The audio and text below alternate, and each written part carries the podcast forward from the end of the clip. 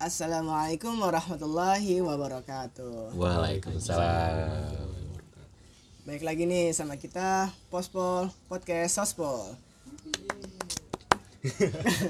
kali ini eh, kita masuk ke episode kedua kali ya.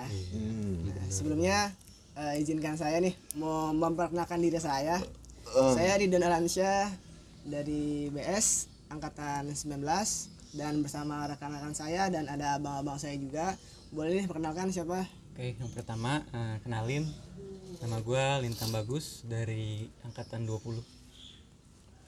Gue Rasya Freddy 18.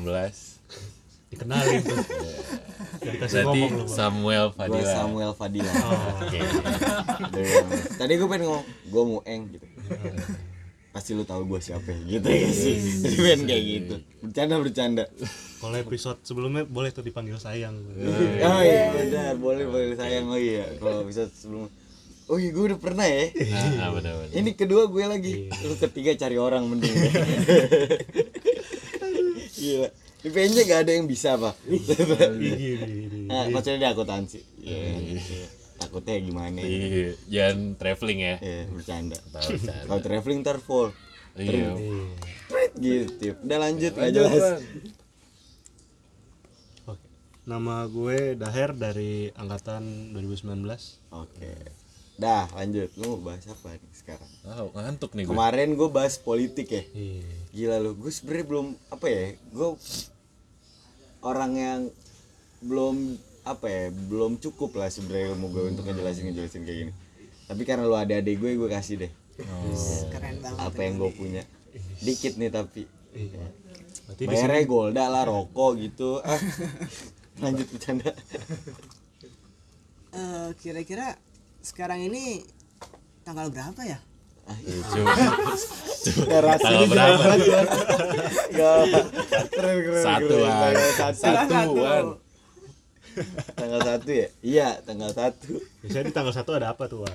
Iya, tanggal satu itu biasanya apa gitu ya kita peringati ya? satu apa sih Lu tadi ngomong lu perayaan ya? Lu gue pengen bahas di sini soalnya. iya. Lu sebut lagi perayaan coba.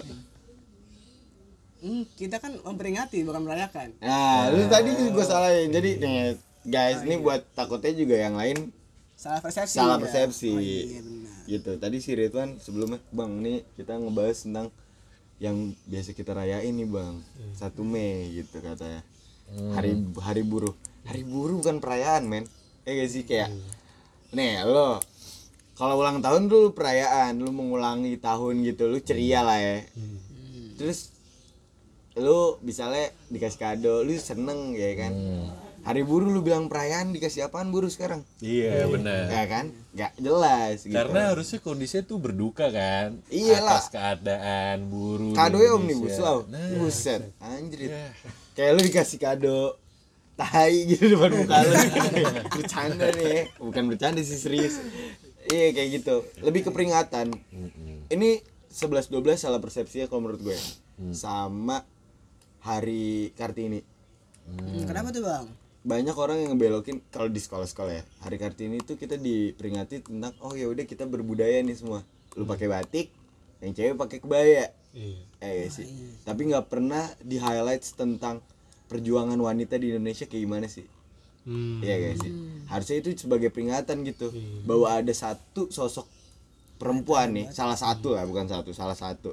Salah satu sosok perempuan yang bisa dicontoh loh dia ngelawan budaya-budaya usang ya kan dalam apa yang dibawa dia gitu sebagai aksi nyatanya dia Hmm. nah itu banyak yang dibelok-belokin gitu Jadi intinya harusnya memperingati. memperingati Iya, bukan, bukan. merayakan. bukan merayakan Oke, bukan merayakan Sorry, Bukan Jay. merayakan. 12 menit. 12 menit oh Iya. iya benar Lanjut.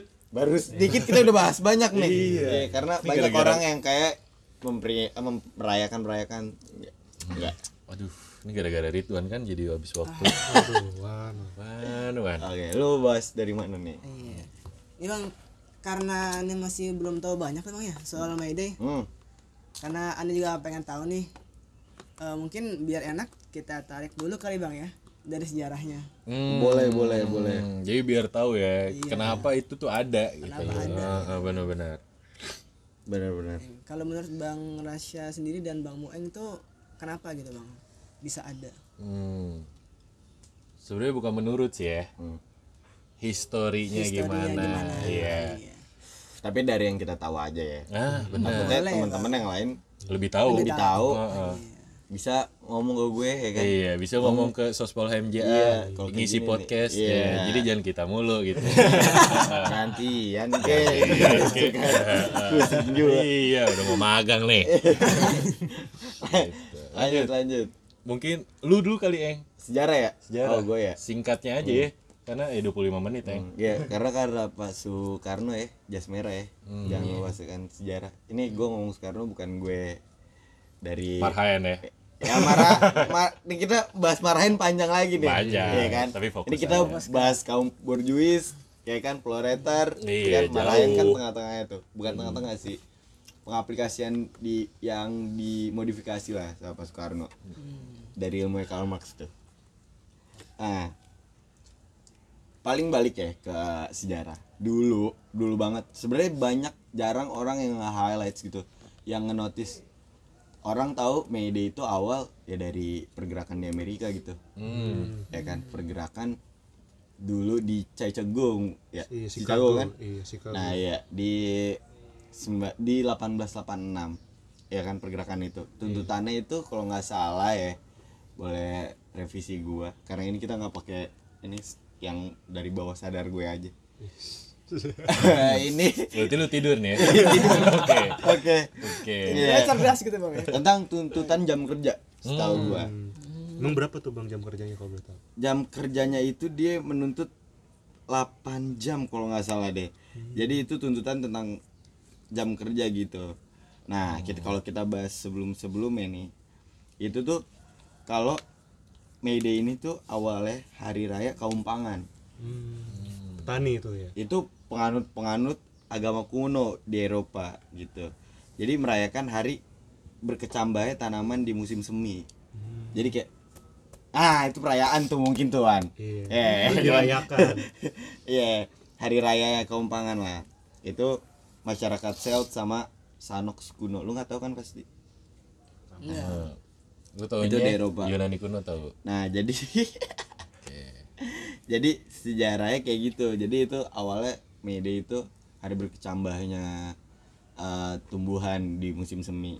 Dilanjut ya karena sejarah Day modernnya itu ya gerakan perlawanan kelas pekerja atau kelas buruh ya terhadap penindasan kelas borjuis gitu. Ya kan?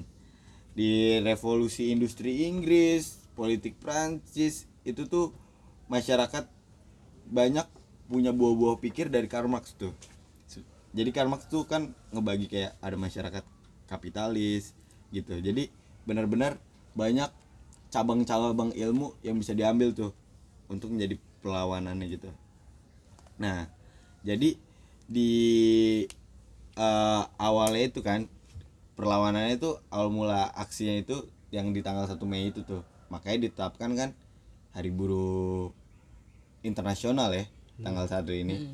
Nah jadi eh, mulai di Chicago sebenarnya nggak di Chicago juga sih mulai perlawanan banyak di Eropa Eropa juga kelas-kelas pekerjanya yang udah mulai nyeruin tentang eh, apa ya hak lah hak hak buruh yang harus dipenuhi gitu. Lanjut di 1886 itu tuh bener-bener ada kalau nggak salah 300 ribuan orang turun ke jalan gitu. Itu diorganisa diorganisir sama Federasi Buruh Amerika gitu. Mereka mogok kerja gitu. Jadi mogok kerjanya ini nular ke virus. Hmm. semakin banyak gitu yang oh iya ya ternyata tuh kita sama nih apa ya eh, unek-unek kayak gitu. Mereka tuh nuntut kayak from 6 to 6 10 hours work and 2 hours for meals. Jadi dia kerja dari jam 6 sampai jam 6 Tu- 10 jamnya itu bekerja dua jamnya itu istirahat meals makan istilahnya. Itu menjadi tuntutan umumnya. Gitu. Karena rata-rata kerja sehari itu bisa sampai 12 jam. Wah gila dulu berarti kan. Oh iya. bangke banget tuh.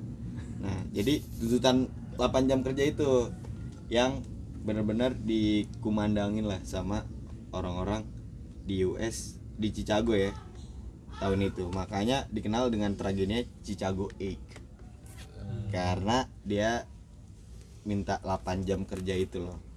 Gitu kan. 6 ke 6 berapa sih? 6 ke 6 6 ke 6 12 12 ya? 12. Pokoknya dia minta 8 jam setengah kerja hari. Nah makanya 1 Mei itu ditet bukan tetapin ya kayak dikenangnya ya jadi hari buruh gitu di 1 Mei itu. Nah kalau di Indonesia tuh May Day tuh eh, di eranya Bung Karno lah perayaan peringatan lah bukan peringatan hari buruh ini kayak lebih kayak tentang pembangunannya tentang apa sih yang harus dibuat sama buruh di tahun itu. Nah pas di era Soehartonya itu tuh hari buruh tuh identik sama ideologi komunis. Karena lagi Kan marak-maraknya marak. kan iya. dulu kan anti komunis banget ya. Hmm. Iya. padahal kita juga nggak tahu gitu apa sih sebenarnya kan. Sampai buku-bukunya dilarang. Buku-buku merah kan di zaman Pak Harto itu dil- dilarang. Nah di situ tuh banyak eh apa ya dibelok-belokin lah. Kayak coba nih kita ngebedain. Buruh sama karyawan bedanya apa? Hmm, apa ya bedanya? apa? Ya lu tidur sih tadi. Ya. Coba coba buruh. Kalau bersamanya sama-sama bekerja kali bang ya. Nah, iya. Jadi tuh kalau di waktu di zamannya Pak Pak Soeharto yang gue dapet dan gue denger dengar juga, itu banyak pembelokan pembelokan arti. Kayak buruh tuh di kayak buruh tuh kerja kasar gitu. Nggak ada ya. Padahal kita semua sebenarnya buruh. Orang kerja di kantoran kantoran deh Buruh. mereka pun buruh gitu ya kan tapi banyak penyimpangan penyimpangan arti kayak dibikin karyawan jadi kayak ada pembedanya gitu antara bahasa karyawan dan bahasa buruh gitu ya kan lu waktu kecil denger buruh kayak Kasar. kasar banget kan ya kan nah iya itu penyimpangan penyimpangan arti karena dulu tuh bener-bener ditekan banget di eranya Pak Soekarno gitu. Eh Pak Soekarno Pak Soeharto. Di Orba ya. Jadi itu bener-bener ditekan keberadaannya. Karena dibilangnya menganut paham komunisme gitu. Gitu. Padahal kan ya enggak. Dia kan punya tuntutan dari hak kaki dia gitu. Progresif lah gerakan. Nah itu paling gitu sih. Eh, di sejarah-sejarahnya mau di internasional atau di Indonesia. Nya kalau mau banyak tahu lagi baca lagi gitu. Kan ini yang gue pernah baca dan gue pernah tahu juga istilahnya. Bisa kalau misalnya ada yang kurang ya lu penuhin gitu. Iya. ya kan kita ngobrol. Kan enaknya ngobrol gitu. Hmm, betul banget. saling isi gelas. Nah cari lagi gitu. Lanjut. Oke bang. Sekarang dari gua nih ya. oke boleh. Oh, lu mau nambahin Oh, mau na- Bukan bukan. mau Oh, iya, tunggu sebelumnya eh, dari Bang Rasya nih ada mau nambahin nggak nih? gue mau eng guru gue udah lanjut Berarti cukup ya. iya lanjut Silakan Dorinta lanjutkan nih. Oke ini masih tentang Mayday sih. Tadi kan kita udah narik ke belakang ya tentang Mayday Mayday sejarah sejarahnya. Mm-mm. Sekarang gue pengen tarik lagi ke sekarang. oke kondisi sekarang Iya kondisi sekarang. kondisi buruh sekarang Kondisi buruh sekarang. Apakah masih sama dengan kondisi buruh pada masa-masa eh, pada masa Soekarno, Soeharto atau tahun 18 abad ke-18 gitu. Itu yang mungkin. Nah, sebenarnya nih kalau apa ya, maksudnya rakyat Indonesia ataupun seluruh negara ya, kalau misalkan pun suatu kebijakan pemerintah yang memang kena banget ke perut nih kan, Iya. biasanya itu kan bakal disuarakan bener-bener sama seluruh rakyat kan, karena Nyaring, perut, nyaring, nyaring. iya nyaring lah, karena nasib buat seluruh rakyat Indonesia kayak bensin tuh zaman SB itu rame mulu rame ya. karena kan dampaknya bener-bener kena gitu Mm-mm. Nah cuman kalau ngelihat dari keadaan buruh sekarang atau karyawan, asik. tadi kan udah dibedain kan lewat sejarah. Banyak hal juga yang menurut gue di sini masih kontroversial gitu. Mungkin hal yang paling mencolok banget ya, yang pasti udah dikenal banget sama mahasiswa yang gue yakin gitu. Pernah dengar kan omnibus law? Uh, sekarang tuh lagi Marak ya, uh marak lagi. marak banget gitu. Nah marak diperbincangkan marak diperbincangkan terus marak disuarakan sampai sekarang gitu kan di tanggal 1 Mei ini yang mungkin nanti bakal ada yang turun ke jalanan menyuarakan suaranya kan kayak gitu nah cuman gua ngelihat omnibus law gitu ya banyak kelucuan gitu kalau menurut gua. Kayak gua ngebahas mungkin dari teknis omnibus law dulu gitu. Dia make eh, caranya common law gitu yang di mana common law itu diterapin di Amerika itu sendiri gitu kan. Nah Amerika menerapkan Inggris Filipina Filipina ya Inggris juga. Nah itu sebenarnya dia bukan single regular bukan single uh, rule jadi kalau single rule itu satu undang-undang untuk memfokuskan satu peraturan yang bakal dibuat tuh apa kayak gitu. Nah tapi kalau common law kayak omnibus law dalam satu undang-undang dia bisa memiliki be- berbagai subjek berbagai tema kayak gitu. Nah sedangkan itu sebenarnya nggak bisa gitu. Kenapa? Karena setiap undang-undang yang kena satu sama lain jika memang satu undang itu satu undang-undang itu salah itu bisa dibentrokan dengan undang-undang lain. Dalam arti bentrokan tuh ditolong kayak gitu. Nah tolongnya ini konotasinya bisa negatif gitu. Ya kan? Terus yang kedua eh undang-undang ini juga eh, yang tadi tuh nggak bisa dijadiin buat ngewadahin berbagai peraturan yang ada di Indonesia kayak gitu. Karena sebenarnya Indonesia sendiri sebelumnya tidak menerapkan teknik um, teknik pembentukan undang-undang seperti itu kayak gitu. Nah maksud gue dari hal kayak gitu aja udah lucu banget. Eh tanggal 20 Oktober ya? Pengesahan ya omnibus law ya? Itu udah judicial review ya berarti ya? Iya. sama MK ya? Sama jangan, MK. jangan bilang sama MA ntar salah lu. Kayak gitu. Nah eh, udah di judicial review dengan waktu itu keadaan udah mulai masuk ke covid ya udah masuk pandemi covid juga. eh, eh.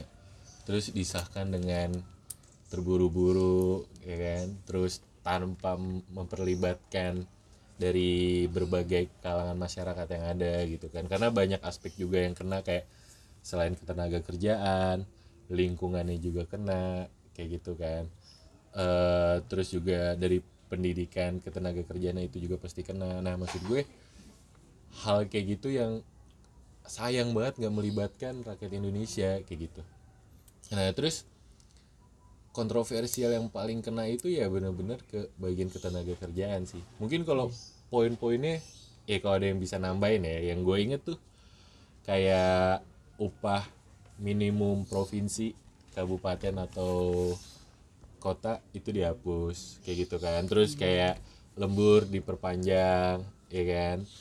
Terus upah cuti kayak untuk perempuan head dan melahirkan akan hilang PHK sepihak dipermudah nah maksud gue hal-hal kayak gini yang bener-bener ngerugiin eh, pekerja di Indonesia kayak gitu.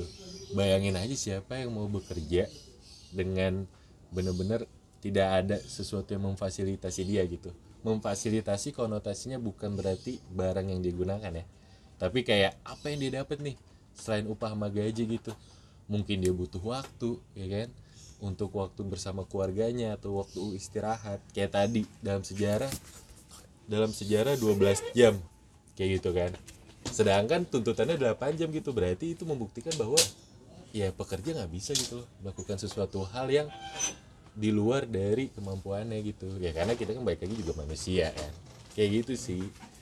Karena kalau gue ya nambahin kalau kita apa ya eh ngeliat ke belakang lagi dalam pembentukannya. Gak ada gitu asas keterbukaan.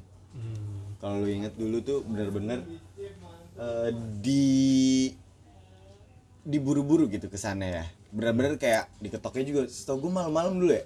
Iya. iya kan? Iya. diketoknya malam-malam kayak apa ya dikebut gitu kurang dari enam bulan. Lu bayangin banyak klaster di dalam itu dikebut disahin. Jadi kayak bener-bener apa sih ini yang mau dibuat gitu loh? Sampai segitu gercepnya segitu banyaknya yang harus dituntasin gitu. Apa sih kan yang dijadiin kita? Apa sih ini yang mau dibuat pemerintah? Kok bener-bener terburu-buru gitu? Kalau misalnya kita lihat juga dalam siapa pembuatnya ya kan? Itu tuh setahu gua nggak ada. Da- dalam pembentukannya itu eh, ngambil dari eh, site-nya oh, view-nya dari buruh gitu. Hmm. kebanyakan tuh ya pengusaha-pengusaha gitu. Hmm. yang diambil saatnya dalam membuat undang-undang ini gitu. Jadi kan kayak gua sebagai pengusaha ya kan?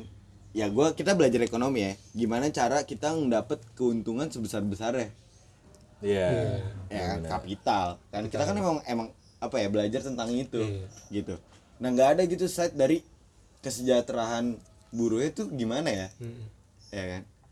Itu tuh yang ngebuat banyak hal-hal yang kita ngeraup banyak nih. Iya, pengeluarannya dikit. pengeluarannya pengeluarannya dia pengennya dikit Iya. gitu ya kan? Padahal itu berpengaruh juga gitu. Negara kan nyiptain kayak misalnya BPJS atau apa gitu. Itu kan untuk sosial ya. Dia nggak ngitungin kos dari eh dari negara nih harus ngeluarin banyak berapa nih gitu. Kalau misalnya hak hak buruh nggak di nggak dikasih gitu. Hmm. ya kan? Banyak misalnya dia sakit atau apa gitu ya kan? Anaknya sekolah mau kayak gimana gitu. Sebenarnya kos-kos itu yang nggak dihitung kan sama pemerintah. Itu tuh kalau dulu kita belajar itu tuh ada namanya jadi perhitungan nggak sempurna. Itu. Jadi benar-benar dihitung cuma dari ya udah saat gua ngeluarin kos segini gue dapet income segini gitu tapi dia nggak negara nggak ngitung hal-hal efek samping dari hal tersebut Iya, gitu loh ini lingkungan juga kayak gitu kalau bahas lingkungan banyak jadi Nah. kita bahas ya iya, ini ngerembet juga maksudnya bahkan inflasi ya kalau kita belajar di akuntansi kan. Inflasi kan artinya tingkat harga ya. Kalau inflasi berarti dia naik, deflasi itu nurun. Nah, saat inflasi tingkat harga dari uh, barang dan jasa yang ada di Indonesia gitu, itu meningkat. Bahkan upah minim minimum tuh tidak meningkat gitu. Nah, maksud gua Nggak seimbang ya? Iya nggak seimbang gitu. Kalau gua belajar ya dari teori ekonominya politik nih, ya kan.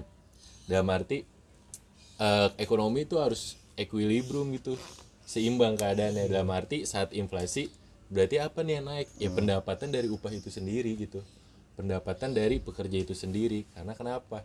Kalau pendapatan naik berarti inflasi naik. Tapi kalau inflasi naik pendapatan turun, itu bakal jadi kesenjangan di ekonomi itu sendiri kayak gitu maksud Iya, gue benar.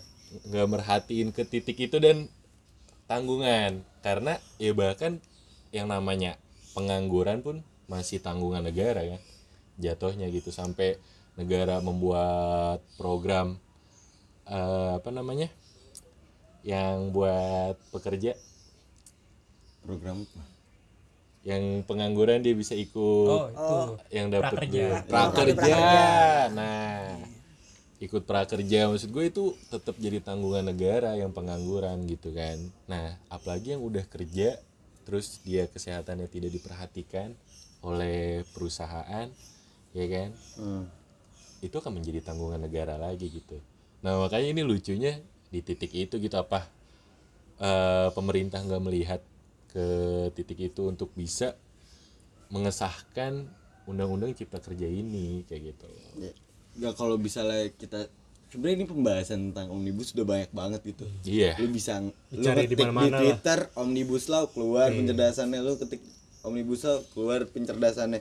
Karena udah banyak banget orang yang nge-review tentang omnibus law ini. Mulai dari misalnya jam kerja yang nggak jelas gitu. Terus juga eh, outsourcing nih makin kuat ya kan? Buruhnya juga makin melarat gitu.